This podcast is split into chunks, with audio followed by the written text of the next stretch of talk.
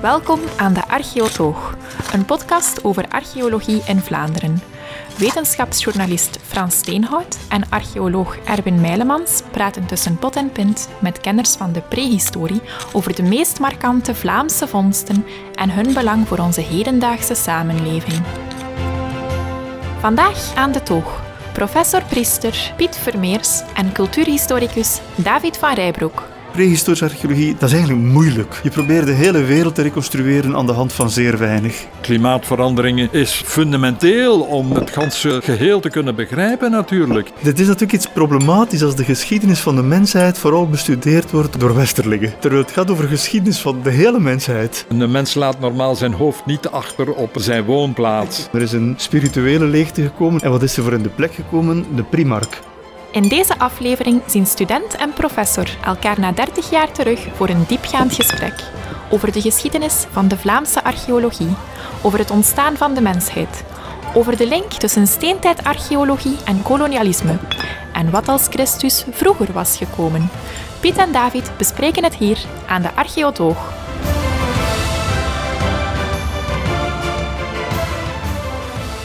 Welkom allemaal aan de Archeotoog. Ik ben Frans Steenhout en naast mij zit Erwin Meijlemans. Dag Erwin. Dag Frans. We zitten hier vlakbij Mechelen in de Batteliek. Een microbrouwerij, uh, een restaurantbar en eigenlijk ook een voormalige kerk. Ja, klopt. Uh, een ontwijdenkerk. Vorig jaar omgebouwd tot microbrouwerij. Uh, ze maken hier bier en ook limonade. En we hebben hier vorig jaar, dat is misschien ook wel interessant voor professor Vermeers, een toevalsvondst gedaan van een oude bodem uit het laat-glaciaal. Alle periodes drie meter lager. Onder de oppervlak zat een mooie Usselo-bodem, zoals dat heet, 12.000 jaar oud. Uh, dus Battle is ook een bedekt prehistorisch landschap eigenlijk. En dus zeker iets wat uh, onze gasten vandaag zal interesseren. En ik denk dat we mogen zeggen dat we heel interessante uh, gasten aan tafel hebben. Misschien moet jij eens even voorstellen, Erwin. ja, ik kan bij beide heren eigenlijk heel uitgebreid gaan, maar dat ga ik dus niet doen. Ik ga het proberen heel kort te houden. Uh, professor Vermeers, uh, wat mogen Piet zeggen, hebben we vandaag gehoord, was docent aan de KU Leuven sinds 1971 en publiceerde zijn doctoraat in de geografie steentijdmateriaal in het noordelijk Hageland uh, in die periode, waar hij gebruik maakte van collecties van amateurarcheologen. Dus eigenlijk een beetje citizen science, zoals dat tegenwoordig modern heet, avant la lettre. Uh, zijn vele onderzoeken reikten van de Vlaamse Ardennen tot in de Kempen en van de oude tot de nieuwe steentijd. Dus op alle vlakken een heel brede range. Met sites en onderzoek die nog steeds toonaangevend zijn. Bijvoorbeeld de Neandertaler zitten van Veldwezelt, de Magdaleniaans zitten van Canne, eigenlijk de enige bekende zitten van die periode in Vlaanderen. En ga zo maar door. We voorzien een biografie in de show notes. En zo stond hij met de oprichting van het Labo voor Prehistorie in de jaren 1970 aan de wieg van de steentijdarcheologie in Vlaanderen, maar ook in België. Daarnaast was hij ook nog actief in Afrika, Egypte vooral, uh, waar ook enkele internationaal belangrijke ontdekkingen werden geboekt. Maar dit komt allemaal nog aan bod straks. Dus welkom professor Piet Vernees. Dank u. Wat vindt u van de locatie? Ja, maar ja, het is mooi. Het is ja. mooi, ja. Het herinnert inderdaad nog wel aan een kerk. Maar het is uh, inderdaad mooi omgebouwd tot iets anders dat blijkbaar zeer bruikbaar is. En onze tweede gast is David van Rijbroek. Die hoeven denk ik aan de meeste mensen niet voor te stellen. Historicus, cultuurfilosoof, politiek geëngageerd, klimaatsbewust. Schrijver van een indrukwekkend geheel aan fictie en non-fictie. Maar vandaag hier nog eens vooral als prehistoricus en archeoloog. En ik hoop dat hem dat deugd toe ook. Absoluut. absoluut. aan de toog. Hij studeerde initieel archeologie aan de KU Leuven bij professor Vermeers. Uh, maar doctoreerde met zijn proefschrift From Primitives to Primates aan de Universiteit van Leiden. Uh, waarin hij op zoek ging naar de evolutie van onze blik op de prehistorische mensen en gemeenschappen en de evolutie daarin. Uh, maar ook in zijn recenter werk kunnen we toch zijn archeologische schoolde blik toch ontwaren af en toe. Uh, als maar in sommige beginstukken van boeken of toch af en toe die kwinkslag erin. Dus welkom David van Rijbroek. Dank u wel, heel fijn om hier te zijn. Ik ben ja, heel blij om hier met Piet te zitten. Ja, ja wij kennen elkaar allemaal redelijk goed, mag ik zeggen. Hè? Ja, inderdaad. Uh, en om verschillende redenen zijn we elkaar tegengekomen ooit in de geschiedenis. Vandaar dat we met plezier Piet gaan zeggen in plaats van professor, dokter, emeritus. Of moet het emeritus eerst komen eigenlijk? Ik weet het niet. Uh, ja, David is ook dokter natuurlijk. Ja, ja, ja, ja, ja, Maar we zullen toch maar David zeggen voor deze gelegenheid. Het is goed, dokter Steenhout. ik ben nooit dokter geworden. dokter anders. David, ik ga eens met, met u misschien toch beginnen. Uh, intussen een schrijver, gevierd auteur van uh, een paar standaardwerken, mag ik wel zeggen. Ooit, toen ik assistent was bij Piet, ben je meegeweest naar Egypte. En ik, ik, vroeg me af in hoeverre dat die prehistorische vorming, of hoe moet ik het noemen, dat die toch nog altijd meespeelt in, in wat jij nu doet. Nou, nog altijd, denk ik. Ik heb archeologie gedaan omdat ik in heel veel geïnteresseerd was. En archeologie leek zo'n klein vakgebied, maar er kwam ongelooflijk veel in samen. Van kunstgeschiedenis tot aan scheikunde en bodemkunde. En ik vond het allemaal boeiend. En ik vind het nog altijd boeiend. En uh, in de tweede, tweede college wat ik had, was bij toen nog professor P. M. Vermeers in de Redingenstraat. Eerste inleiding tot de prehistorie en menselijke evolutie. En ik dacht van ja, maar dit, dit wordt het hier wel. Eigenlijk in mijn eerste week in Leuven wist ik dat ik prehistorie wilde verder zetten. Op dat onderwerp me interesseerde omdat ik Piet een ongelofelijke prof vond. Een geweldige docent. En uh, ik heb dat gedaan. Ben daarna ook uh, ben, ben daarna naar Engeland gegaan en naar Nederland. Ben daar gedoctoreerd. En het lijkt nu dat ik een beetje ver ben weggeëvolueerd van de archeologie. Ik ben veel bezig met de toekomst nu. Maar net als het gaat over die toekomst en klimaatverandering, dan is het toch wel een voordeel om dat diepe verleden te kennen en die diepe processen al meegekregen te hebben. En die, die, die enorme tijdsdiepte. Ja, dat hele lange tijdsperspectief. Ook, ja, en ook geografisch uiteindelijk. Geografisch. Ook, ook in mijn werk over democratie bijvoorbeeld. Ik heb een boek geschreven over democratie waar ik vlotjes, zo 2000 jaar, van hoe doen we dat nu eigenlijk? Ik denk dat soort durf om op lange termijn te denken, die krijg je wel mee dankzij een opleiding in de archeologie. En in de prehistorie. In de prehistorie, uiteraard. 2000 jaar, dat is een voormiddag. Ja, Dat, uh, dat, dat, zijn maar een paar minuten eigenlijk uh, in de evolutie van de mensheid. Hè. En toch ben jij daar als eerste in België echt mee begonnen. Hè? Enfin, ja, zeker langs de Vlaamse kant. Hè. Langs de Vlaamse kant ben ik, ja.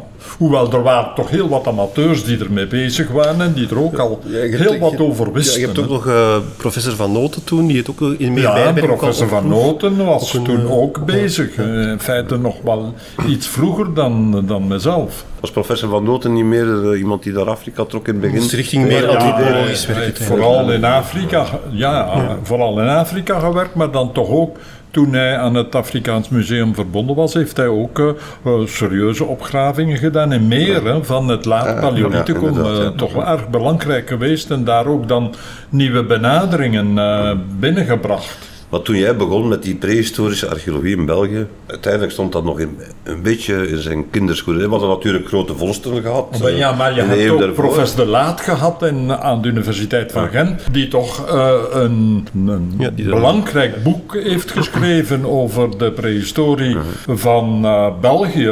En uh, daarbij ook nog Mariën aan de Koninklijke Musea voor Kunst en Geschiedenis. Dus ja, laat ons zeggen, ik ben de eerste die een echt onderzoeks laboratorium heeft kunnen oprichten binnen onze universiteit. Ja. ja.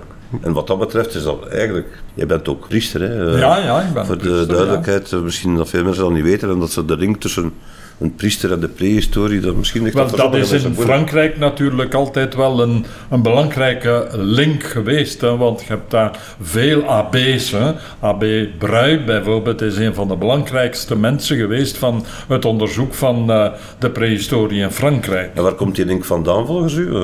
Wel geïnteresseerd zijn in ontwikkeling van de mens, in de evolutie van de mens. Uh, ja, er is daar zoveel over te doen geweest, waarbij in feite het christelijk geloof dan toch een beetje in de schaduw werd gezet en blijkbaar uh, niet meer wist waarover het uh, ging. Zo dachten sommigen althans. En dat was natuurlijk een uitdaging. Je wilde daar toch wel iets meer over weten. En dus vandaar. Uh, dus de kerk stimuleerde effectief die, die onderzoeken eigenlijk, dat onderzoek naar de. Wel, dus hij, ik heb mij nooit gestimuleerd gevoeld ja. op de kerk. Wat maar je mocht wel je eigen ding doen uiteindelijk. Maar nergens ook beperkt geweest, in tegendeel. Nee, ik heb altijd uh, uh, mijn, vrij mijn onderzoek kunnen doen. En, en ik ben bovendien ook erg ja, ideeën opgedaan bij de Jezuïet, Thea de Chardin de Franse hm. Jezuïet, die onder andere betrokken was bij de Homo erectus en uh, de, de Sinanthroop in uh, China. Dus ja, daar was wel een beetje een kerkelijke traditie in uh, de studie van de prehistorie. Dat is ook het moment, Piet, waarop het katholicisme het Darwinisme aanvaard heeft. Hè. Die, dat heeft een tijd geduurd, maar jij behoort tot de generatie waar dat niet langer een strijdpunt was. Ik heb daar nooit nooit een strijd over geweten in feite. Voor mij was dat Misschien was die strijd al een beetje gevoerd daarvoor eigenlijk. Ja. Daar, eh, want je hebt die oudste vondsten van bijvoorbeeld de Townkind en dan de eerste out-of-Africa-theorieën. Dan krijg je wel, ook met de leakjes onderzoeken, krijg je eigenlijk wel een reactie van de kerk die dan zo toch... Ja, van eh, sommigen. Maar Van sommigen inderdaad, ja. van sommigen, ja. Ja, maar de algemene er zijn er nog geen- altijd in Amerika een hele hoop. creationisten nu. Maar ja, goed. Mens is vrij om te denken wat hij wil, hè. maar eh, mij heeft dat eerder gestimuleerd dan eh, tegengehouden. Heeft dat prehistorisch onderzoek, heeft dat uw, uw beeld van de mens veranderd, ook als, als religieuze mens? Of, eh, Maar ja, het verandert nog altijd mijn beeld over de mens, omdat je voortdurend denkt, hoe is dat gegaan?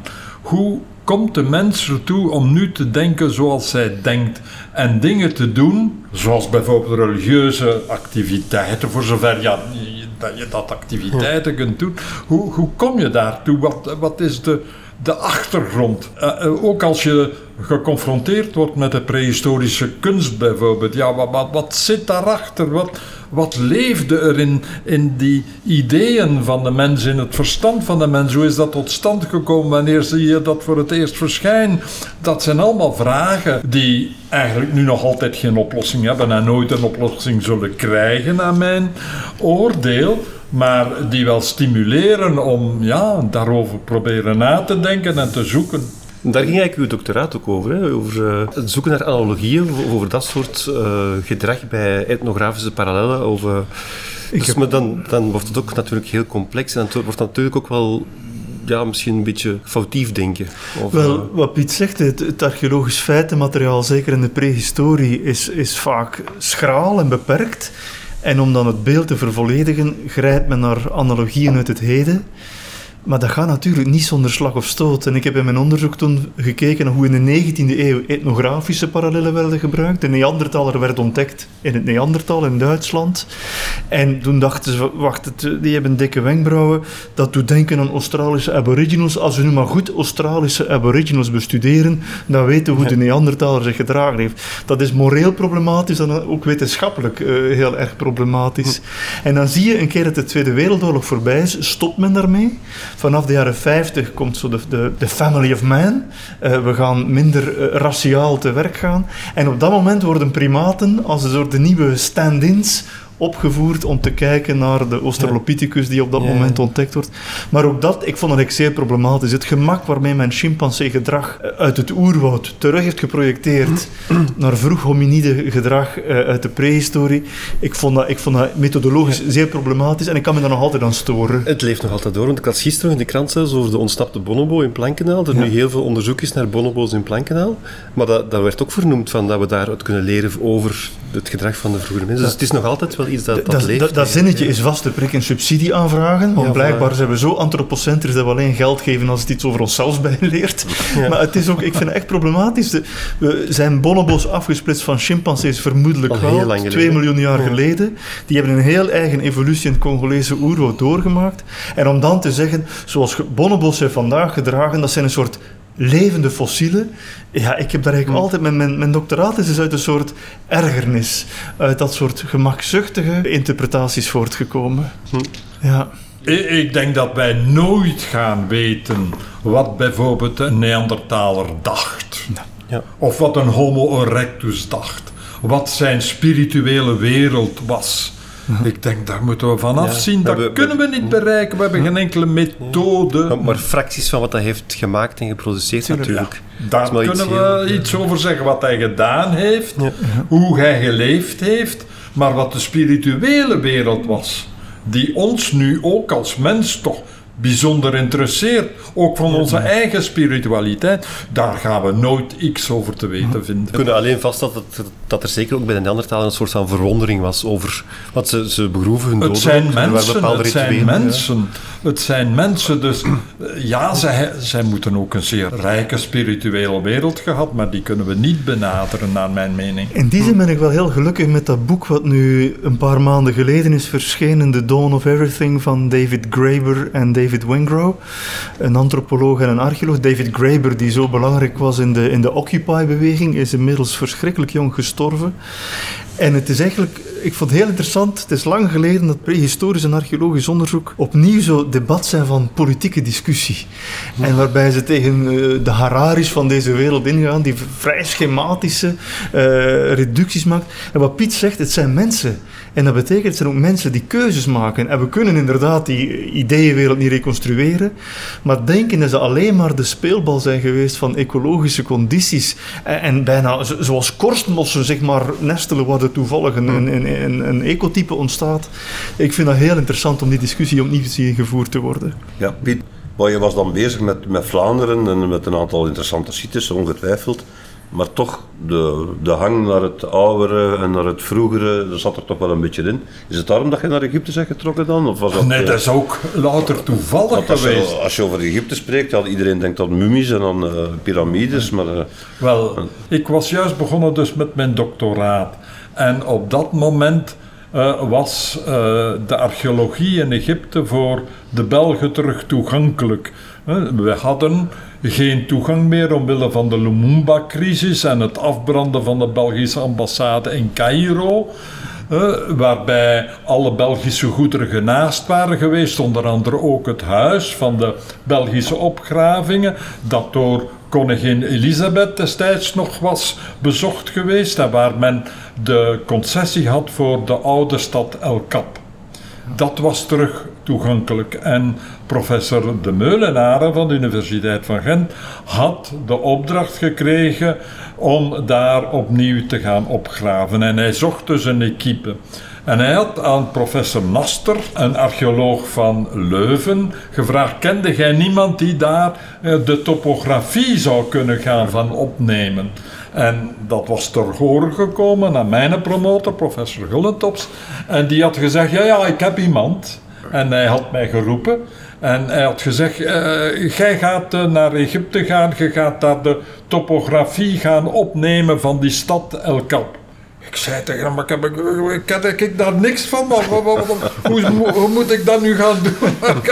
ik heb nog nooit een toestel in mijn handen gehad. Tut, tut, tut, zei je gaat gaan en je moet u maar inlichten. En, en ja, ik ben mee geweest dan en we hebben dat fantastische uh, een eerste prospectie gedaan. Welk jaar is dit, Piet? Dat moet in het jaar 66 of 67. Dus vijf jaar na de moord op Lumumba mochten de Belgen terug aan de slag. Ergens in die periode was dat. En dan zijn we daar met, uh, met anderen naartoe gegaan. En ik moest dus zorgen dat ik uh, alles kon op kaart brengen. Ik heb dat dus, uh, ja, toestellen gekocht en zo. Uh, ja, ik ben begonnen dat te karteren en de kaart is er wel uiteindelijk gekomen, maar niet door mij. Want uh, bij mijn eerste karteringsoefening, ja, dan loop je veel op terrein rond en ik heb gekeken en toevallig heb ik daar prehistorie gevonden die nog niet was gekend in Egypte en tot nog toe nog altijd niet in de Nijlvallei In de vorm van op vuurstenen afslagen. En, uh, ja, afslagen had ik daar gevonden en daar heb ik dan tegen professor De Meulenaar gezegd: Ja, kijk, ik ben eigenlijk meer geïnteresseerd in, de prehistorie dan in het maken van kaarten. En ik ken iemand die zeer goed kaarten kan maken, dat was professor De Puit. En uh, ja, dat was goed, ik mocht ik, uh, de zaak omslaan. En daar ben ik dan beginnen graven.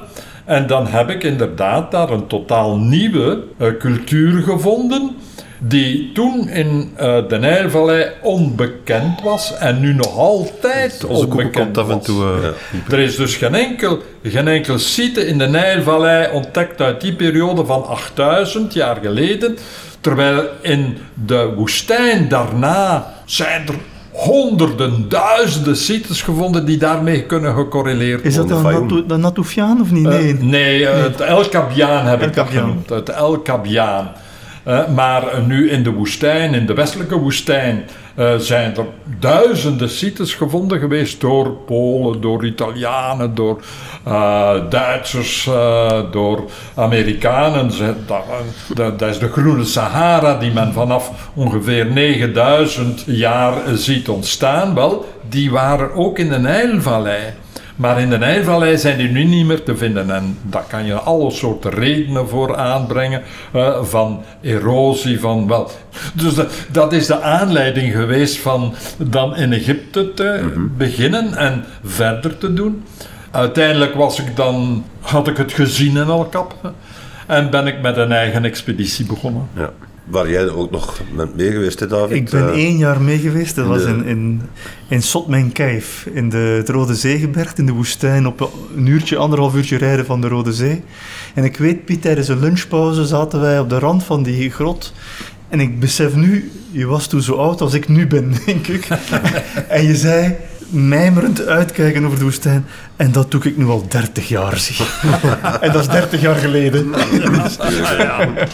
En is dat daar ook wat het skelet van Aslet Kater eh, daar in de buurt? Nee, Is was- Nee, nee, dat in de was in de Nijlvallei. Nijlvallei. Dat is dus wanneer onze eers- eerste expeditie begonnen zijn. Ja, dat was de vraag natuurlijk, waar gaan we, waar gaan we, ja...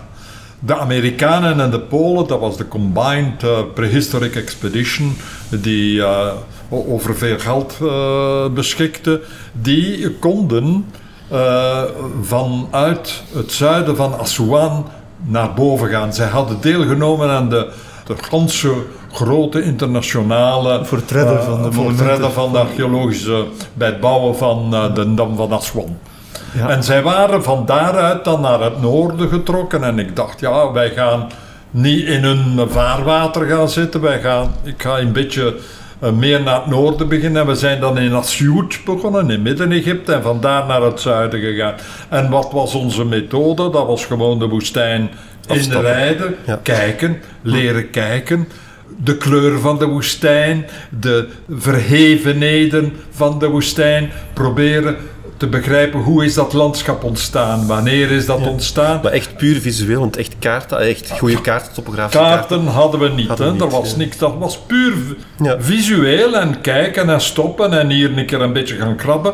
Overal in de woestijn worden putjes gegraven, blijkbaar om keien en zand te halen naar de vallei om daar te bouwen. En wij gingen al in al die putjes, al die, die groevetjes gaan kijken en ja, dan vond je materiaal dat prehistorisch materiaal was. En op die manier we deden één jaar een prospectie waar we alleen maar rondreden en, en observeerden en noteerden. En dan het jaar daarop namen we het besluit, kijk, we gaan hier of daar eh, verder gaan graven. En zo zijn we in Naslet Gater terechtgekomen. Dat was eh, ja, dicht bij Tachta. Tachta. Dat is Centraal-Egypte In eigenlijk. Centraal-Egypte. En eh, ja, daar zijn we dan beginnen graven. En ja, interessante dingen gevonden. Midden-Paleolithicum, enorm veel verschillende soorten Midden-Paleolithicum. En dan, eh, ja, gegraafd ene put en ge- geprobeerd de stratigrafie te begrijpen, maar je begrijpt het niet. En daar was mijn collega Etienne Paulussen dan eh, altijd ook bij. Dat was de man van de pure geomorfologie. En op die manier konden wij dan eh, proberen inzicht te krijgen in de opbouw van de lagen door de Nijl of door de woestijn. En te zien waar zitten de resten van de prehistorische mens. En daar zat, daar zat dat skelet ook, eh, Piet. en dan... Dat is een midden-paleolithisch skelet. Nee, nee, dat is eh jong paleolithisch skelet. Het is de moderne Dat- mens, hè? dat- Het is een- we waren dus daar aan het graven en dan is Gullentops een keer op bezoek gekomen en hij zei, kijk, daar is nog een terras, moet daar ook eens graven. En we zijn daar begonnen en daar vonden we dan jong paleolithicum, dat we nergens anders hadden gevonden. En dat was een mijnsite met verticale schachten om vuursteen te gaan ontginnen onder de grond. En we, we hebben dat zeer goed kunnen dateren en dat bleek van 30, 40.000 jaar oud te zijn. En we vonden daar een bijl, verschillende bijlen. Maar we hadden op een andere heuvel voor het Midden-Paleolithicum ook gegraven. En eh, we hadden daar kuilen gemaakt, maar eigenlijk... Ja, we waren daar gestopt omdat het toch niet zo goed bewaard was en zo. Maar goed, eh, de volgend jaar met de studenten ging ik dan naar de verschillende plaatsen die we al opgegraven hadden vorig jaar. Om te zeggen, kijk, hier zit dat zo en dat. En eh, op die manier een beetje de zaak uiteen te zetten. En we kwamen bij een van onze kuilen van twee jaar voordien. En die stonk vreselijk, want eh, er waren ik weet niet hoeveel honden in begraven geweest van het dorp. En ja, je had daar stratigrafie en ik wees naar de stratigrafie. En in één keer zag ik daar een been liggen, een stuk been.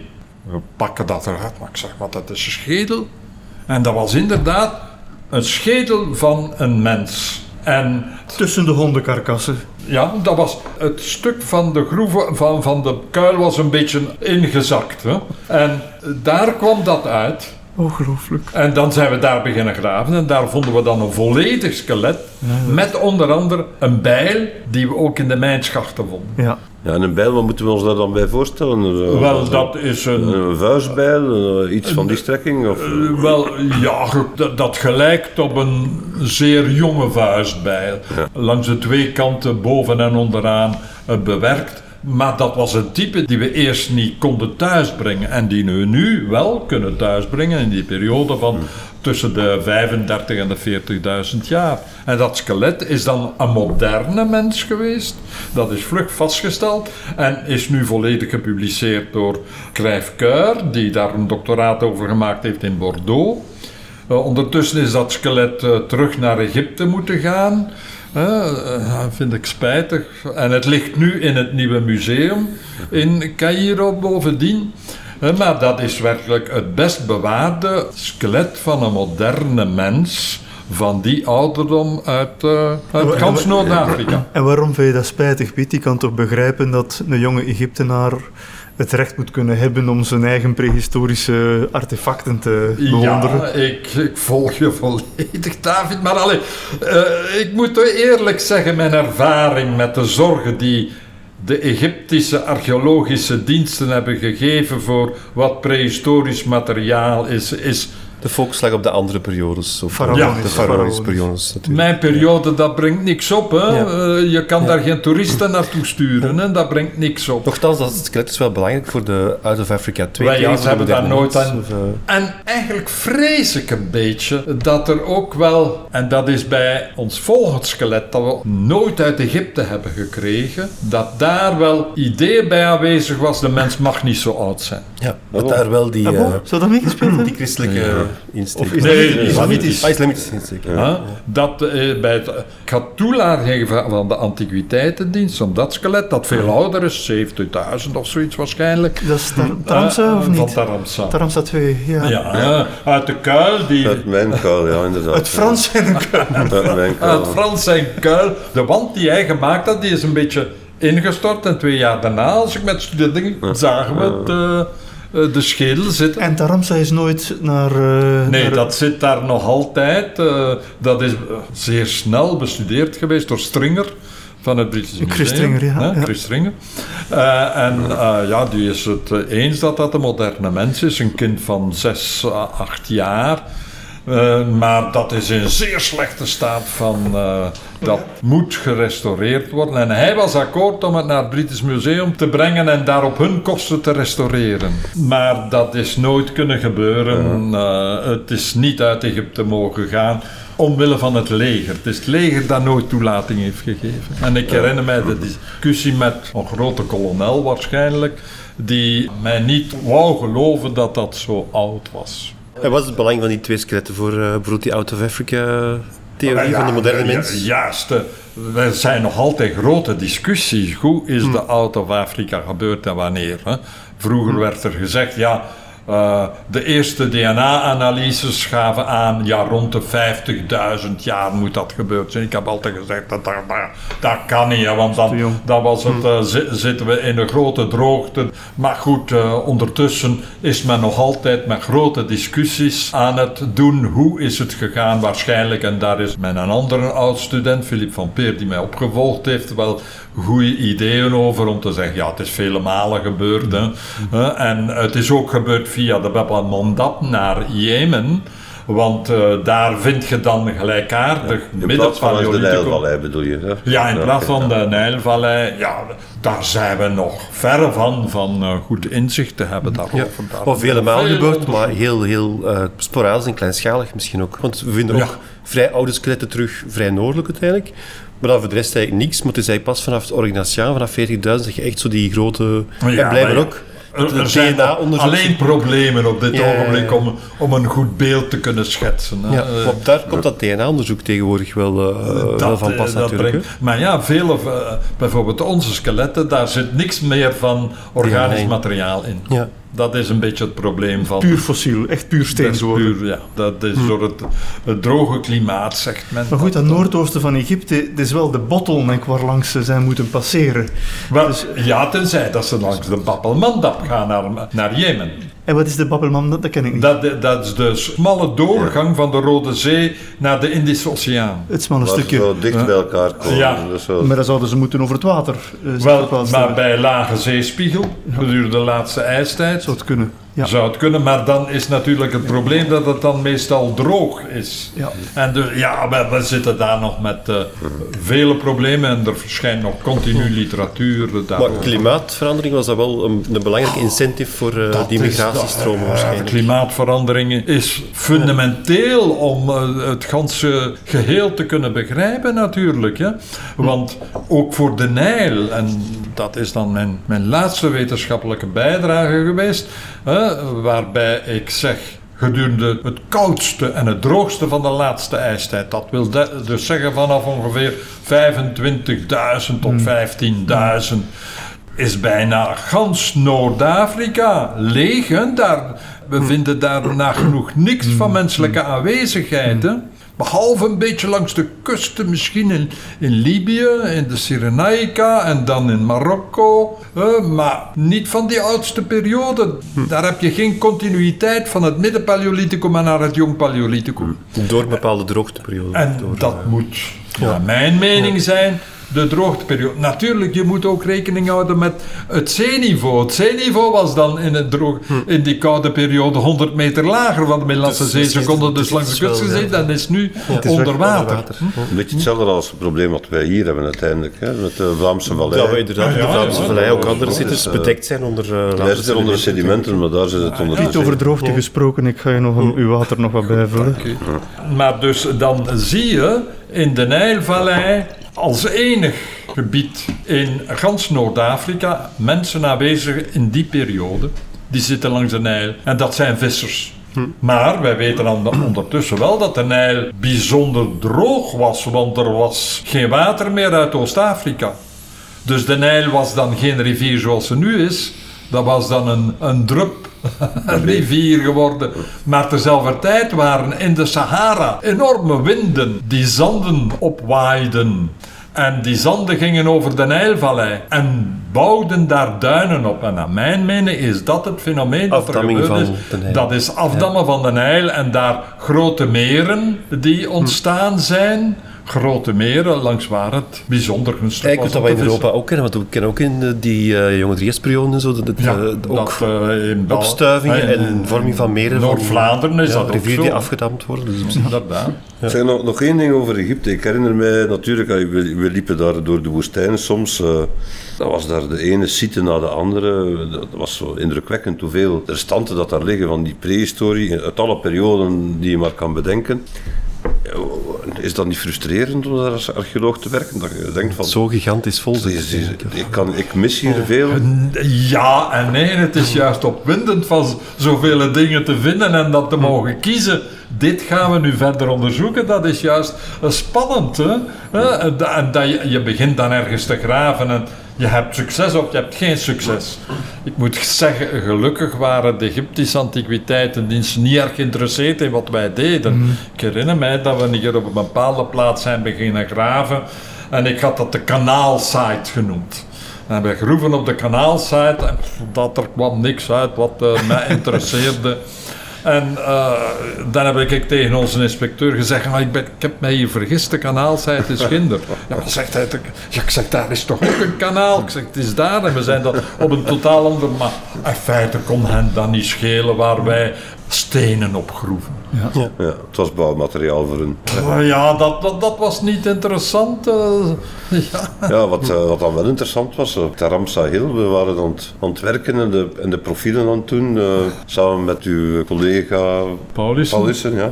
En we zagen een auto over en weer, zo'n pick-up over en weer rijden naar de rotswand, zo ja, kilometers verder. En dan had ik een verrekijker meegepakt en dan bleken ze dan zo allemaal van die amforen uh, aan het pikken te zijn. En toen zijn ze wel zeer snel in actie geschoten, dat weet ik wel. Ja, Terwijl wij daar eigenlijk met een, een van de boeiendste en interessantste prehistorische sites van, van Egypte bezig en waren. ze zijn nog altijd niet aan, daaraan geïnteresseerd. De uitbreiding van de bebouwing in de woestijn in Egypte is... Uh, dat heel snel waarschijnlijk.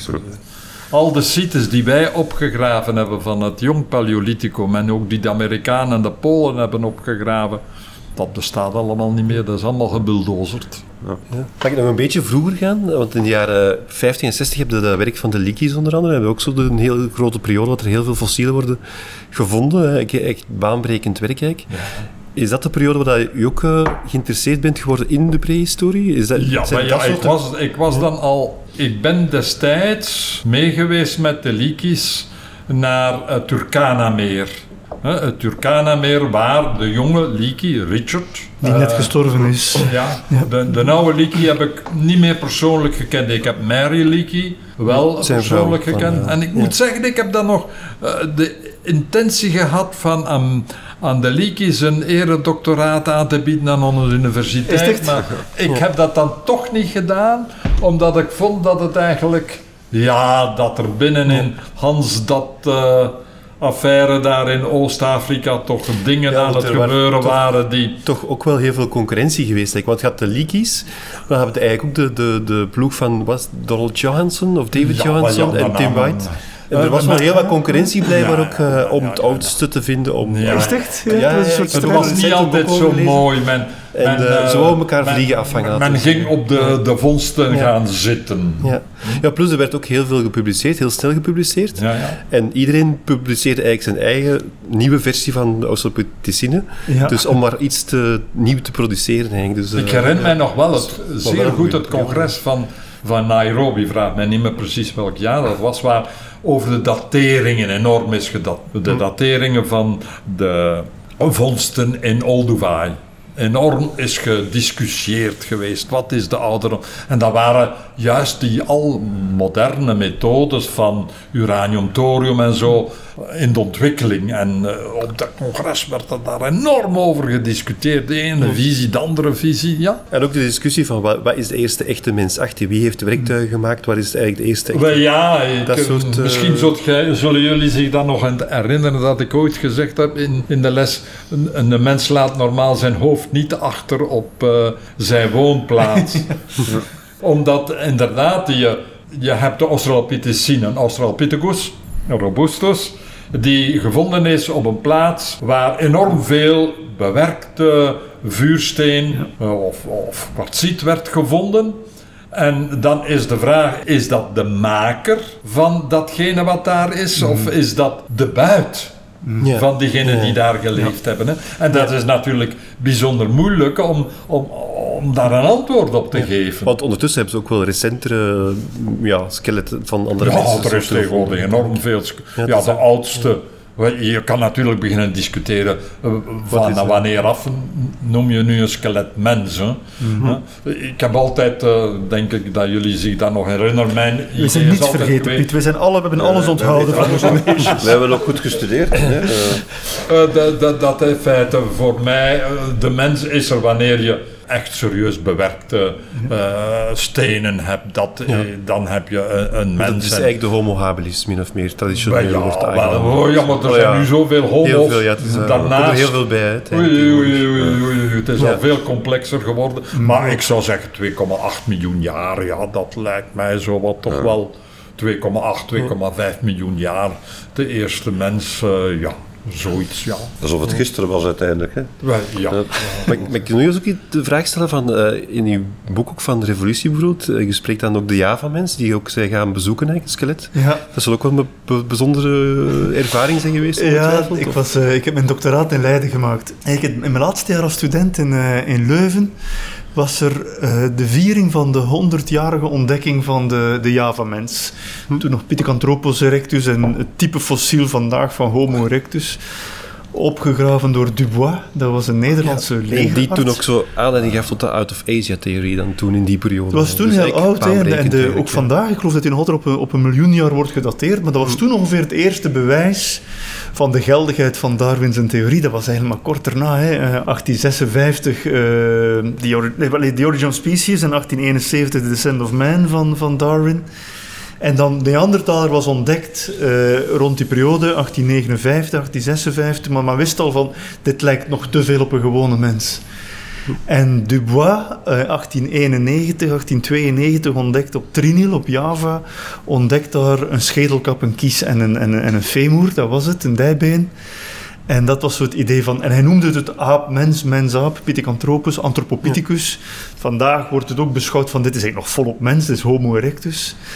Maar ik heb toen wel... Ik heb toen bij die tentoonstelling van... Toen het 100 jaar geleden was, was er een, een tentoonstelling in het Pesthuis in Leiden, waar die fossielen heel beschermd in zo'n kluis lagen met 6, 7 eh, centimeter dik eh, vensterglas. Maar toen ik uiteindelijk met mijn doctoraat bezig was in Leiden, sprong ik op de fiets om het fossiel eens te gaan bekijken met de, de toenmalige curator John, ben zijn familienaam vergeten.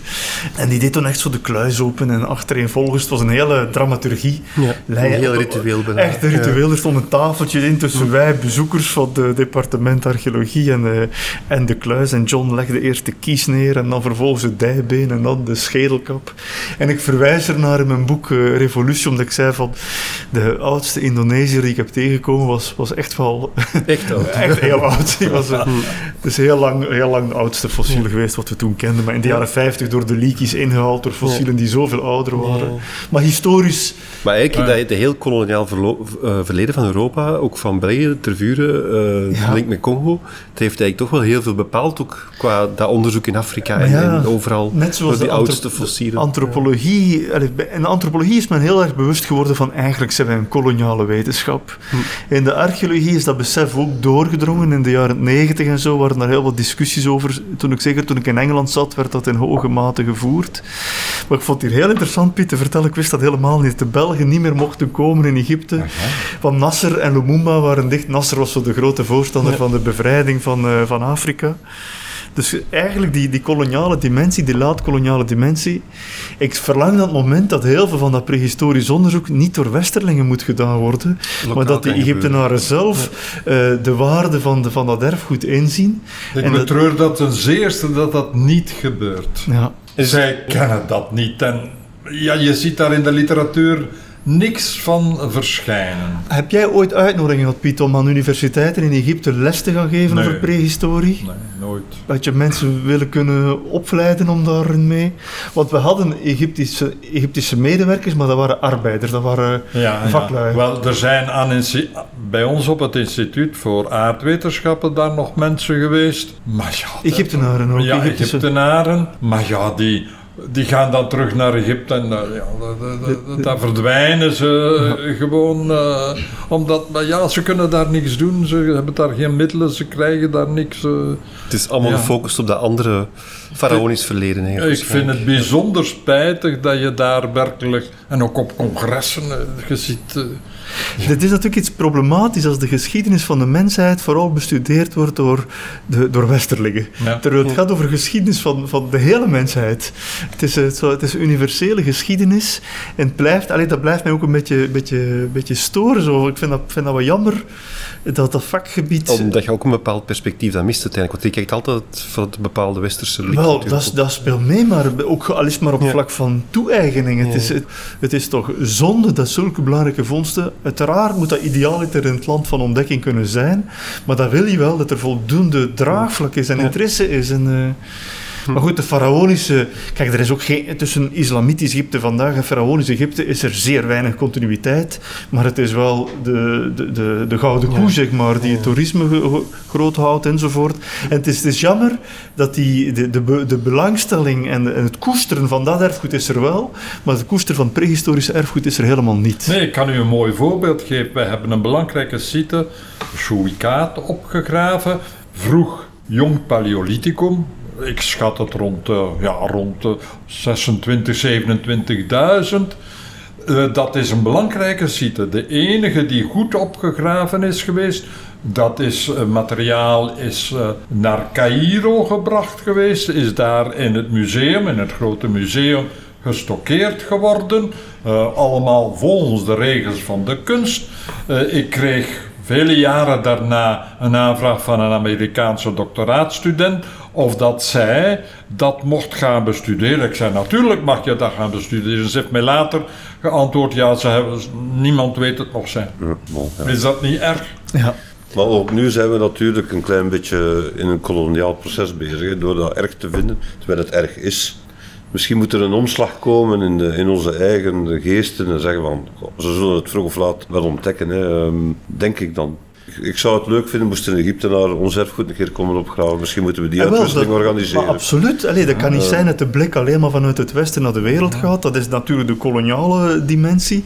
Het zou goed zijn mocht... eh, kijk, de, het Neolithicum wat hier in Europa wordt gevonden, is relevant voor een Egyptenaar of een Soedanees of een Peruviaan. Absoluut. En kijk, de, de UNESCO-gedachte is me eigenlijk zeer dierbaar. De naoorlogse gedachte van eh, er is een soort gedeelde mensheid en er is een deel archeologisch prehistorisch erfgoed wat niet toebehoort aan één bepaald volk of één bepaalde natie of wat dan ook. En het is werelderfgoed.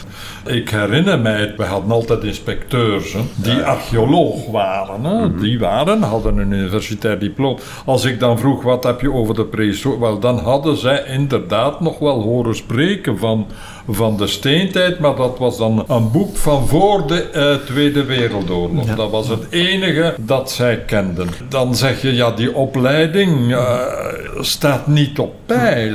Eh, nu zie je wel dat er op aardwetenschappen, dat ze stilaan daar op peil geraken. En daar, je ziet dat in de literatuur, ze verschijnen, de Egyptenaren, en uit de universiteiten van verschillende steden in Egypte Ik herinner me wel al de arbeiders die wij dan hadden, eh, die dat soms perfecte archeologen waren. Er zat tussen die eigenlijk precies wisten wat wij zochten. Hè. Dus de link met dat erfgoed moet toch ergens in ons systeem zitten, denk ik dan. Ik, heb, ik heb het nooit vergeten toen wij een van die vissersdorpen eh, uit uh, laat Paleolithicum aan het opzoeken waren. En Wim van Neer, de specialist van de vissen van Afrika, was er toen bij. Die had al gezegd, we moeten de gehoorbeentjes Ja. van, van de vissen eh, verzamelen. In min dan geen tijd was een van de werklui met zijn dikke vingers dat gezegd dat kan nooit lukken uit de zeefresten al die gehoorbeentjes aan het op, op een enorm degelijke manier. Hij had dat onmiddellijk door wat we moesten hebben. Maar dat lees je ook bij de Leakies bijvoorbeeld. Het zijn ook de, de, bevolking eigenlijk, die, die, die de fossielenjagers zijn, die ook de meeste dingen vinden uiteindelijk. Die het beste blik hebben, die het landschap kennen. Net zoals de geschiedenis van het alpinisme geschreven is of ongeschreven is op vlak van de Sherpas. Ik bedoel, wat dat betreft is het echt een En om parallel. dan terug naar Vlaanderen te komen, eigenlijk Voilà. uw doctoraat bouwde eigenlijk ook op de expertise van mensen die lokale kennis hebben. We hebben zelf, denk ik, tien jaar, tien jaar geleden de collectie van Guus Bosmans gaan eh, inventariseren, die toen op 102-jarige leeftijd was gestorven. Maar die eigenlijk al vanaf de jaren 20, denk ik, eh, in het Hageland rondliep, ook in de grotten van de Ardennen. Die had een fantastische reeks boekjes bij, met schetsen, met eh, locatie-aanduidingen. Een geweldige collectie eigenlijk, eh, maar dat is eigenlijk de basis geweest voor ook u om uw doctoraat en het werk in Vlaanderen eigenlijk te, te beginnen. Al mijn werk in Vlaanderen is allemaal gesteund op het werk van de amateurarcheologen. Die Ja. al de sites die ik opgegraven heb, zijn door hen gevonden geweest. Ja. Dus ook uw periode in, in het labo, toen het labo al bestond, Ja. was dat nog altijd een heel belangrijke Oh ja, factor. ja dat, dat was de basis. Eh, Ja. Hoe kon ik... eh, Ik deed geen prospectie. Ja. Het waren ze, die mensen die prospectie en die dan met hun materiaal afkwamen. En dan, dan dacht ik, ja, dat moeten we toch een keer gaan bekijken. Of nee, dat is niks. Eh, Maar eigenlijk al mijn opgravingen die ik ooit in Vlaanderen gedaan heb, dat is op basis van het werk van die amateur-archeologen, die nu toch wel een beetje in de hoek geschoven zijn. En waarom, Nee. waarom zijn ze de hoek geschoven? Eh, Ja, op zich niet, want ze, ze- er zijn nog altijd wel amateurarcheologen die ook actief zijn, die ook op terreinen lopen en die nog altijd wel hun vondsten melden. Er komen altijd wel echt waardevolle dingen uit, Ja. sowieso. Komt er, eh, komt er een moment waarop er een soort kloof ontstaat tussen amateurarcheologen en, ehm, en, en pro- professionele archeologen? Allee, de, de laatste jaren zien we een afkalven in het vertrouwen van, eh, van- in wetenschap. We hebben het gezien met corona. Er is een soort eh, een groeiende kloof. Allee, ik heb de indruk dat als ik u hoor praten, Piet, dat er eigenlijk wel een soort uitwisseling was van kennis tussen amateurs en, en, en, Absoluut, professionals. Absoluut, er was een grote uitwisseling Nu, van ja, kennis. Het, het is misschien minder nu, maar we proberen nog altijd wat te stimuleren uiteindelijk ook. eh. dus nu bijvoorbeeld de wetgeving rond metaaldetectie. Ja, En metaaldetectie is eigenlijk ook een soort van citizen science, waarbij dat mensen hun vondsten melden. Ja. En wij proberen daar ook op in te gaan, naar Ja. eh, onderzoek, naar beheer, eh, naar bescherming toe. Maar ook bijvoorbeeld steentijd eh amateurarcheologen, die ook nog altijd terreinen aflopen. Ik heb samen met Philip van Peer bijvoorbeeld in, in Nijlen in 2008, te- geloof ik, eh, zitten opgegraven. En dat was ook door een rattenvanger eh, in de, de vallei van de Neet eigenlijk gevonden. Is het echt? En ja, het is denk ik nog altijd een van de enige vermoedelijk aardesburgsites die we, die we hebben in, in Vlaanderen. Dus, dus we, we proberen het wel, maar het is ook wel... Het is een heel intensieve klus sowieso, maar er is gigantisch veel materiaal. Dat is wel eh, inderdaad zo. Ja. Mijn rattenvanger zat er niet tussen bij u, Piet. Jawel. Ja, toch? Vader Carolus uit de Zonhoven en zijn zoon, ja, Van de Zonhovenspits. van de Zonhovenspits. Ja. Heeft die die dan gevonden of ben je daar gaan opgraven en heb je die dan zelf gevonden? Wel, Die zonoverspits bedoel Ik, ik. ik, ik ben altijd gaan opgraven op plaatsen die amateurarcheologen eerst hadden gevonden. Ik heb zelf geen enkele vindplaats zelf gevonden. Wat zijn dan de belangrijkste vindplaatsen op basis van... in- in die ik in Vlaanderen opgegraven heb. Vernoemd, dat is Ja, eh, denk ik eh, toch wel erg belangrijk. En dan een hele hoop Omdat die- Mesolithische nederzettingen en ook de Aresburg-nederzetting van. Dat kan is van eigenlijk de, de, de eerste, de enige Magdaleniaanse die Dat we is hebben. dat is eigenlijk voor de eerste keer dat we terug die moderne mens eigenlijk in, eh, in Vlaanderen zien terug binnenkomen. Inderdaad. Wel, er zijn er zeer veel. Ja, ik, heb, ik heb zeer veel Mesolithicum opgegraven, dat nu overgenomen is door collega Crombé in, in Gent. Die prachtig werk heeft gedaan, maar dan vooral in het noorden van Oost- en West-Vlaanderen. En ook langs de Schelde, de ganse Scheldevallei, waar een totaal andere vondstomstandigheid was dan waar ik in de Kempen werkte. De Kempen was het allemaal in potzolen. En Zand. dat potzolen is een soort, ontwikkeling ja. van, een, van de bodem. typisch is voor de zandbodems met, in de eh, Kempen, Met grote problemen qua datering. Hm.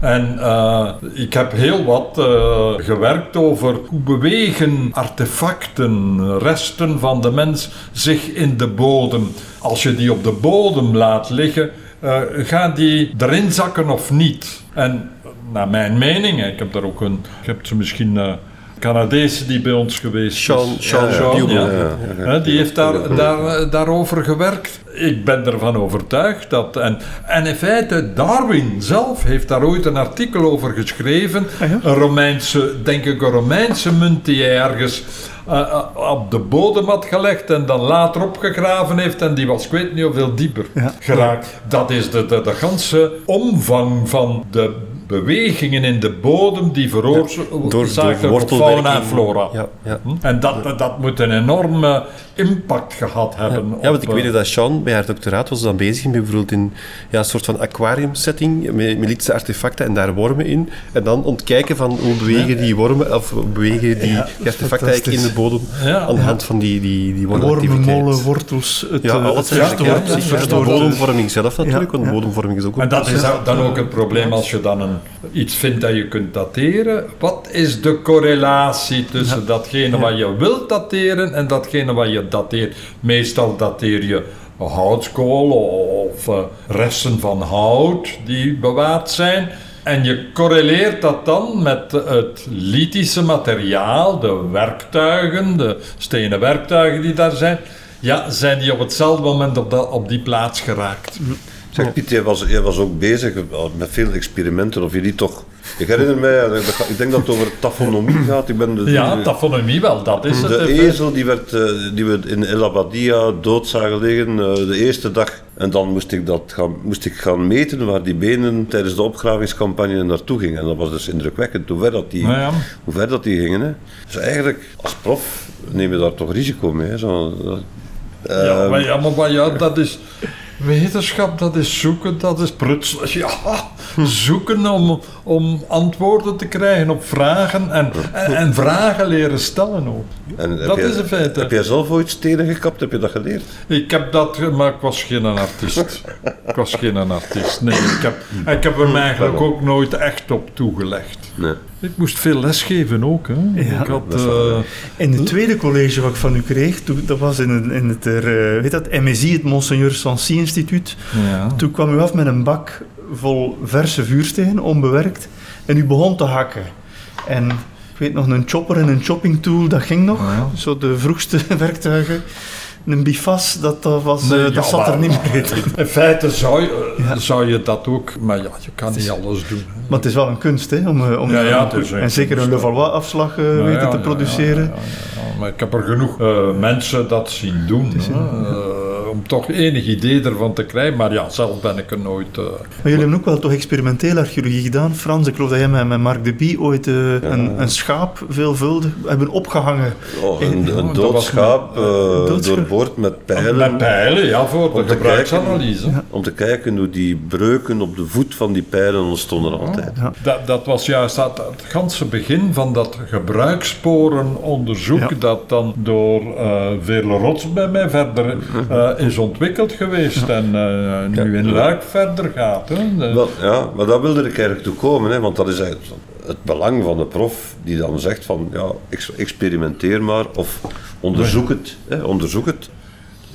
Nee, maar de range van je werk is ook... Je hebt dan de Neandertalers-sites ook. Hè.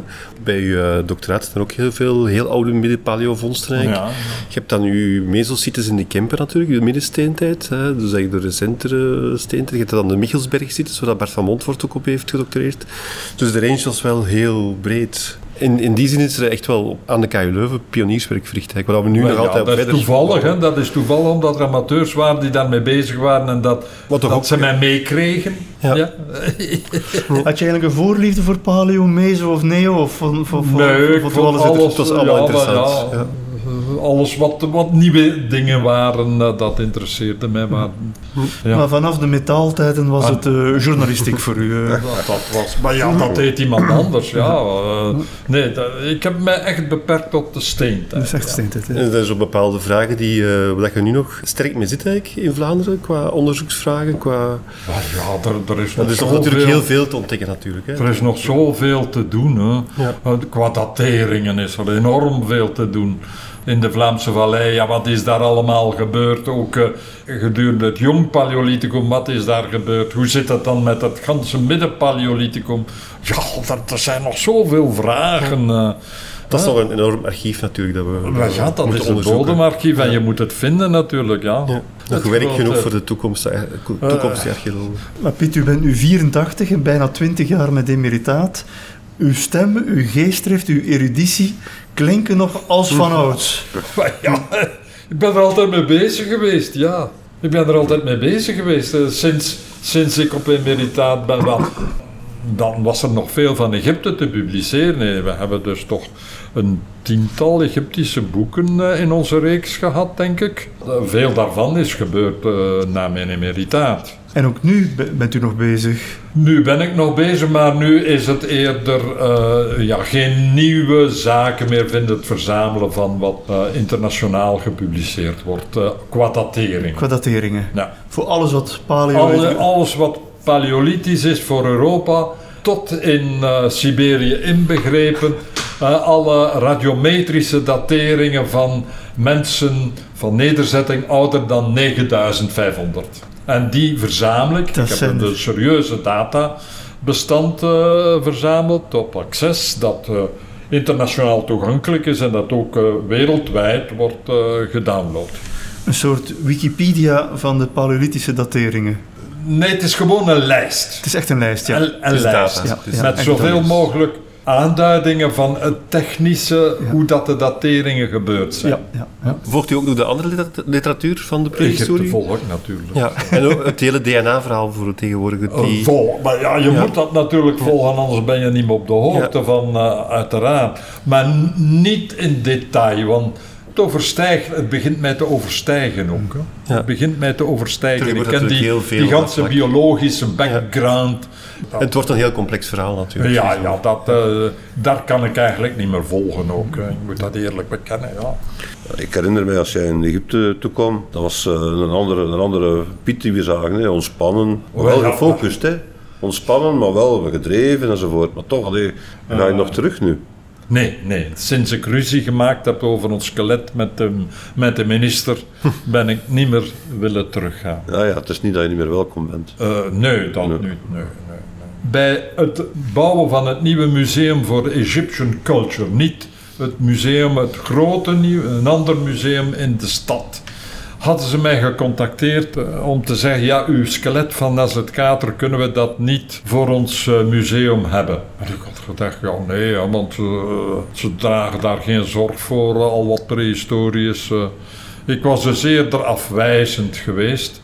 Maar uiteindelijk, ja, na over en weer met mail te schrijven, had ik gezegd, ja, mis- misschien wel als het andere skelet van Taramsa dan naar Europa mag om daar ge- gereconstrueerd te worden. En eh, ja, daar waren ze, ja, we waren tot een akkoord gekomen en zij gingen dat voorleggen aan de minister. En ik was dan op congres in Cairo en eh, ja, er was een afspraak gemaakt met de minister. Ik dacht dat dat allemaal goed was voorbereid. Kom bij de minister samen met de conservator. En eh, ik zei ja, skeletten. Bones, zei de, de minister. Ik zeg yes, sir, bones. Human bones. No bones, zijn we vlogen buiten. Dus daar is nooit enige ernstige discussie of, of begrip of wat dan ook geweest. Dat was des ten andere die man die altijd op tv komt, die was toen minister. Hoe noemt hij weer met Ach zijn, ja, de, Eh, met zijn hoed? ja, eh, ja, Die bij alle programma's over Egyptische archeologie ja. de, de show komt stelen. Dat was die man. En daar hebben we gezegd, voort en nee, nu is het gedaan. Maar zo mensen... eh, En David, als je koppig. de passie zo hoort van, eh, van Piet, geen spijt dat je niet in de archeologie gebleven bent. Eh, van waar, want je had toch ook een academische carrière in de, de archeologie kunnen ambiëren? Absoluut, ja. En, en, en ik vind het echt geweldig om hier de verhalen weer te horen. Ik vind het ook geweldig te horen dat er nu die syntheses zijn van de Vlaamse eh, prehistorie. ja, de onderzoeksbalansen. de onderzoeksbalansen. Ja. ik, eh, ik wist dat niet, maar ik wil die eigenlijk wel heel graag lezen. Ik vind dat toch eh, boeiend om dat, om dat een beetje te volgen.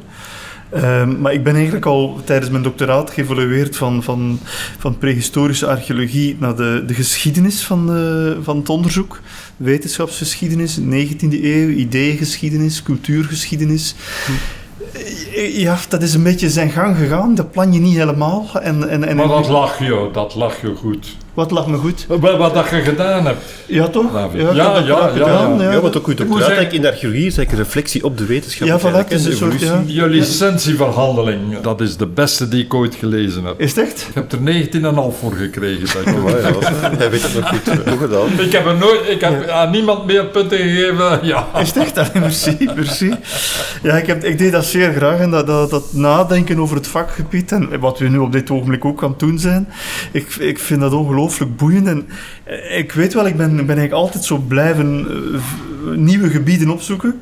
Dat is niet per se omdat ik dat graag wil. Dat gebeurt tamelijk organisch. Ik ben nu veel bezig met, met klimaat en nieuwe democratie. Maar eigenlijk is het dezelfde creativiteit en dezelfde vraagstelling van hoe kunnen we... Kijk, archeologie, en zeker prehistorische archeologie, dat is, dat is eigenlijk moeilijk. Je probeert de hele wereld te reconstrueren aan de hand van zeer weinig.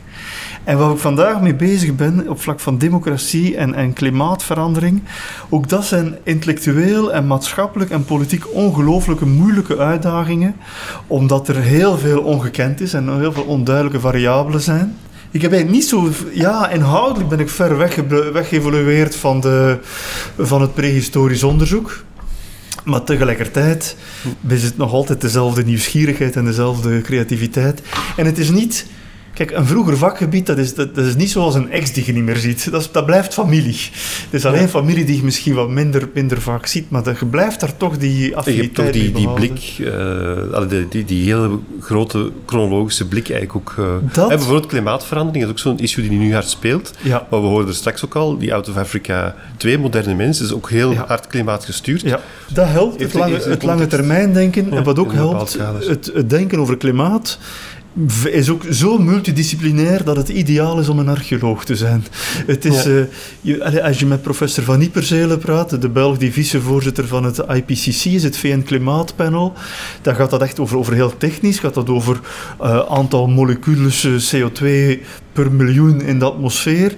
Maar tegelijkertijd moet je kunnen praten met armoede-experten die gaan zeggen van hoe gaan we dat doen om die huizen in Molenbeek geïsoleerd te krijgen. Dus ook daar heb je een soort hele brede waaier van... van uh, je moet zo affiniteit hebben met de harde wetenschappen en de sociale wetenschappen. En zowel de oorzaken als de gevolgen kunnen Ja, en dat, in die zin is het... Uh, twee zaken hebben mij erg gemotiveerd. Ik ben, een van de, ik ben de eerste leerling geweest van het VSO, het vernieuwd secundair onderwijs. Dat model heeft maar zes jaar bestaan. Dat is de zes jaar geweest waarin ik heb gezeten. Dat wil zeggen dat ik in mijn eerste jaar kregen wij lessen Latijn gecombineerd met lessen technologie. We moesten uh, een morsenlampje bouwen en, uh, en een melkbushouder. Hm. En dat heeft mij eigenlijk zeer aangesproken. En archeologie was hetzelfde. Dat was inderdaad, je had die technische kant, maar je had ook die kant van de humane en de sociale wetenschappen. En dat blijft mij voeden tot op de dag van vandaag. Dus ik beklaag mij niet dat ik die opleiding heb gedaan. Hm. Integendeel, ik vind het heel erg, heel erg tof om mijn, uh, mijn oude, maar nog steeds bijzonder vitale prof terug te zien vandaag. Ja. Wat mij heel, heel erg heeft geholpen bij zo mijn werk in Congo en in Indonesië. Ik heb heel veel gebruik gemaakt van interviews. Ja. En dat is eigenlijk bijna een archeologische manier van werken. Archeologie vind ik altijd zo de meest democratische vorm van informatie vinden. Als je op de middeleeuwen werkt, je kan alle hoofdse literatuur lezen, maar een, een, uh, een, een, een middeleeuwse waterput, hoe triviaal het ook is, levert informatie op die niet in de hoofdliteratuur of niet in de kerkelijke archieven gaat zitten. En dat vind ik interessant. En die interviews die ik heb gedaan in postkoloniale contexten, die leveren ook informatie op die je in de officiële geschreven documentatie niet gaat vinden. En dat vind ik heel interessant. En in die, in die zin is zo archeologie een, een vorm van een benadering van een samenleving van onderop. Gewone mensen, triviale objecten, het leven in zijn materiële volk. En dat vind ik heel interessant, om die, die blik van onderaf te, te voeden met interessant bronnenmateriaal. We zijn, archeologie is eigenlijk de, de Louis Paul Boon van de, van de wetenschap. dat vind ik mooi gezegd. Ja, dat vind ik mooi gezegd. Bij het begin van het gesprek, Piet, hadden we het over hoe je als jonge priester prehistoricus werd. Beide waren toen ongelooflijk zichtbaar. Je hoogleraar worden, tot de klerus behoren. Vandaag zitten we nu te praten in een voormalige kerk die ontwijd is, waar een brouwerij zit. We blijven in de spiritualiën. Maar goed, heeft u dat persoonlijk geraakt, die ontkerkelijking van, van grote delen van Europa? Ja, dat raakt mij wel. Dat raakt mij wel, omdat ik vind dat er iets belangrijks verdwijnt in het puur materiële dat eigenlijk het, spirituele, de vraag naar de zin eigenlijk van het mens zijn, en het antwoord dat de christelijke visie daarop geeft, dat dat inderdaad in grote mate aan het verdwijnen is. En ja, je vraagt je af, waardoor gaat dat vervangen hmm. worden? In feite wordt alles zo materieel en uh, stel je de vraag, ja, maar alleen ja, de mens is toch meer dan louter datgene van, ja, vanaf zijn geboorte tot aan zijn dood en dan is het gedaan, dan bestaat er niks meer van wat hij gepresteerd of gedaan heeft. Is er, is er iets buiten dat menselijk leven van elke mens dat nog waarde heeft? En dat, dat doet mij pijn dat dat in grote mate toch aan het verdwijnen is. Ik ben er wel van overtuigd dat in, inderdaad in het verleden die zeer klerikale benadering van het christendom, dat dat uh, geen mooie uh, zaak was en dat dat veel kwaad heeft gedaan. Maar in feite verliest men, vind ik nu toch wel, die enorme bijdrage die uh, het christendom, de christelijke visie, heeft geleverd op de mens. En hoe dan ook, je kan je soms de vraag stellen, ja, die vraag heb ik mij gesteld als prehistoricus, waarom is Christus zo laat gekomen? ja, en dan geef je toch wel eh, de, die historische inzicht dat je zegt, ja kijk, Mocht hij op een ander moment gekomen zijn, mocht hij op het niveau van de Homo erectus gekomen zijn, dan zou dat gewoon verdwenen zijn, want er was geen, geen contact tussen de werelden, eh, dat was allemaal afzonderlijk. In de Romeinse tijd is er iets gegroeid waaruit dat geput had al uit de Griekse wereld, uit de Egyptische wereld, uit andere werelden is er een wereld gegroeid die in feite de universele westerse wereld is geworden. En de westerse wereld die alle andere werelden, of je het nu graag hoort of niet, maar heeft beïnvloed zwaar beïnvloed. Mhm. Met de westerse economische ontwikkeling die daarbij gekomen is, die nu de hele wereld omvat. Dus langs die kant zeg ik dan, ja, Christus kon niet op een ander moment komen. Heeft u eigenlijk ooit in uw, in, uw lange, in uw lange leven inmiddels, heeft u ooit getwijfeld aan uw geloof? Is er ooit een geloofscrisis geweest? Maar je hebt continu geloofscrisis. je hebt dat eh, continu. Dat is nogal duidelijk. Het is niet zoals een wetenschap. Hè. Je hebt voortdurend de vraag, ja, hoe zit het nu precies? Wat betekent het allemaal? Hè? We hebben onze lieve Heer Hemelvaart. Ja, je moet je niet voorstellen dat in één keer Jezus daar een wolk onder zijn voeten heeft gekregen. Ja, dat is het zekers niet. Maar wat, wat, wat is er dan wel gebeurd? Wat, Het is die historische is context Ja, die, die vragen blijven. Anderzijds zie je dan toch als je de evangelies leest, hè, die dus de verhalen zijn die lange tijd na het gebeuren zijn neergeschreven, dat die mensen iets willen vertellen.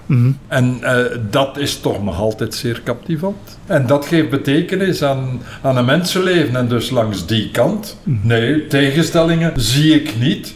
Dat het allemaal wetenschap is, zeker niet. Maar wel, ja, en dat het, dat het van jou vraagt dat je er telkens opnieuw instapt, ja. En dat probeer ik te doen. En je moet ook de, de historiek van die teksten zelf proberen te begrijpen. Ah, ja, natuurlijk, ja. Eh, Ja, want al die verhalen komen ook van een wat, bepaalde... wat betekenen wij? Maar het is waar dat de secularisering een tweesnijdend zwaard is geweest. Er is vrijheid gekomen, maar er is ook eenzaamheid gekomen. Er is een spirituele leegte gekomen, een morele leegte.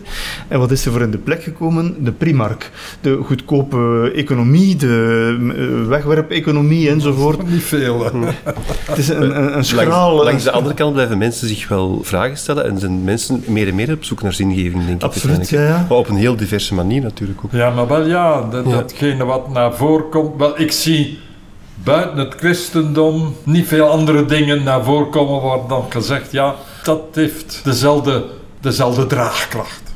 Wat zeg dat de moderne mens, de sapiens sapiens, hoe oud zou die zijn?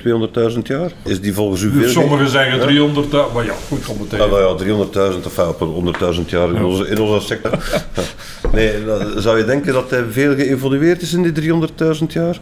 Stel nu, je pakt een kind van nu of een kind van toen en je kan het nu mee opvoeden. Zou dat een, een dom kind zijn of iets van die strekking? Misschien een rare vraag. Of is er weinig evolutie geweest? Ik denk dat cultuur de fundamentele verandering is geweest. Mo- Mocht je nu een kind van 200.000 jaar geleden van een moeder daar oppakken nu, dat je dat kind zou kunnen opvoeden dat het zich hier thuis voelt. Dat denk ik. Dus de mensheid is veranderd, maar de mens is eigenlijk niet veel veranderd. Wel, ja, wa- wat noem je nu de mens? Is dat nu louter lichamelijk? Of geestelijk. Als, als Wel, individu, daar, als, eh, daar is als wezen, als soort. eh, Ik denk dat, de- dat de cultuur, dat ontwikkeling, dat dat het fundamentele is van onze eigen huidige wereld. En de, de mens heeft dat tot stand gebracht langzaamaan in die verschillende benaderingen die, die er geweest zijn. Waarbij, naar mijn mening, het christendom een van fundamentele benaderingen is die zin geeft aan alles wat er in het verleden gebeurd is. Maar dat is mijn visie natuurlijk. Ja, Misschien kunnen we wel hopen putten dat we ook bij de prehistorische mensen ook verwondering zien en, en bepaalde Ongetwijfeld, rituele, religieuze Ongetwijfeld, ideeën. ja, ja, de prehistorische kunst is daar, Dus het zit toch vind ik, een, een mooi voorbeeld van, van het zeer rijke denken dat bij die mensen aanwezig wordt. Dat we spijt genoeg niet meer kunnen vatten, maar dat er zeker aanwezig was. Ik zou dat toch zo zien. zouden die ook een mis hebben gedaan in de grot, zoals jij in Egypte iedere De grot van? Lascaux of eh, Chauvet. Wel, Ja. dat wordt toch door velen eh, vooropgesteld, maar daar zeg ik, dat kunnen we niet weten. Maar het rituele zit altijd in de mens en heeft er altijd in gezeten. Dat heeft er altijd in gezeten. En dus- dat is een cultuur, ja. Op zijn minst kunnen we het christendom, als we het dan toch moeten reduceren, we moeten het niet, hè. Nee, je moet dat echt niet Maar- reduceren. Maar het is tenminste toch nog altijd een, een, een, een conglomeraat zeg maar, van rituelen die betekenis hebben. Hè. Dus Ja. daar, daar kunnen we toch Maar ja, nee, het is meer dan rituelen. Hè. Het is ook een, een denkpatroon. Het is niet alleen het uiterlijke. Rituelen is uiterlijk. Nee, nee, het gaat eh, innerlijk. Twee zomers geleden ben ik nog eens de grot van Rouffignac gaan bezoeken. Ah, ja. Die ik zelf een van de allerindrukwekkendste prehistorische vindplaatsen van Europa vind. Is dat die met die, die zwart-wit uh, mammoetekes? zo? Die mammoeten die met eh, die lijken gisteren getekend is. Dat is een hele diepe grot. Ik denk dat dat de diepste grottenkunst is eh, in Europa. Je rijdt er vandaag zelfs met een treintje in. Eh, je ziet zelfs graffiti uit de 14e eeuw en de 17e eeuw. en Dat eerste grote lange rechte stuk van die tunnel. En dan, eh, dan stap je uit en wandel je tussen die, die tekeningen van 14, 16.000 jaar geleden. Het lijkt alsof ze er pas zijn aangebracht. En ik liep daar rond. Ik moet dan natuurlijk denken aan de, aan de colleges van Piet van, van 30 jaar geleden. Maar ik moet ook denken aan, aan die mensen van toen, van 14.000 jaar geleden. En het lijkt allemaal zo ver af. En het is allemaal zo dichtbij. Het zijn mensen zoals wij, die ook hebben gezocht naar iets van betekenis te vinden in dat leven.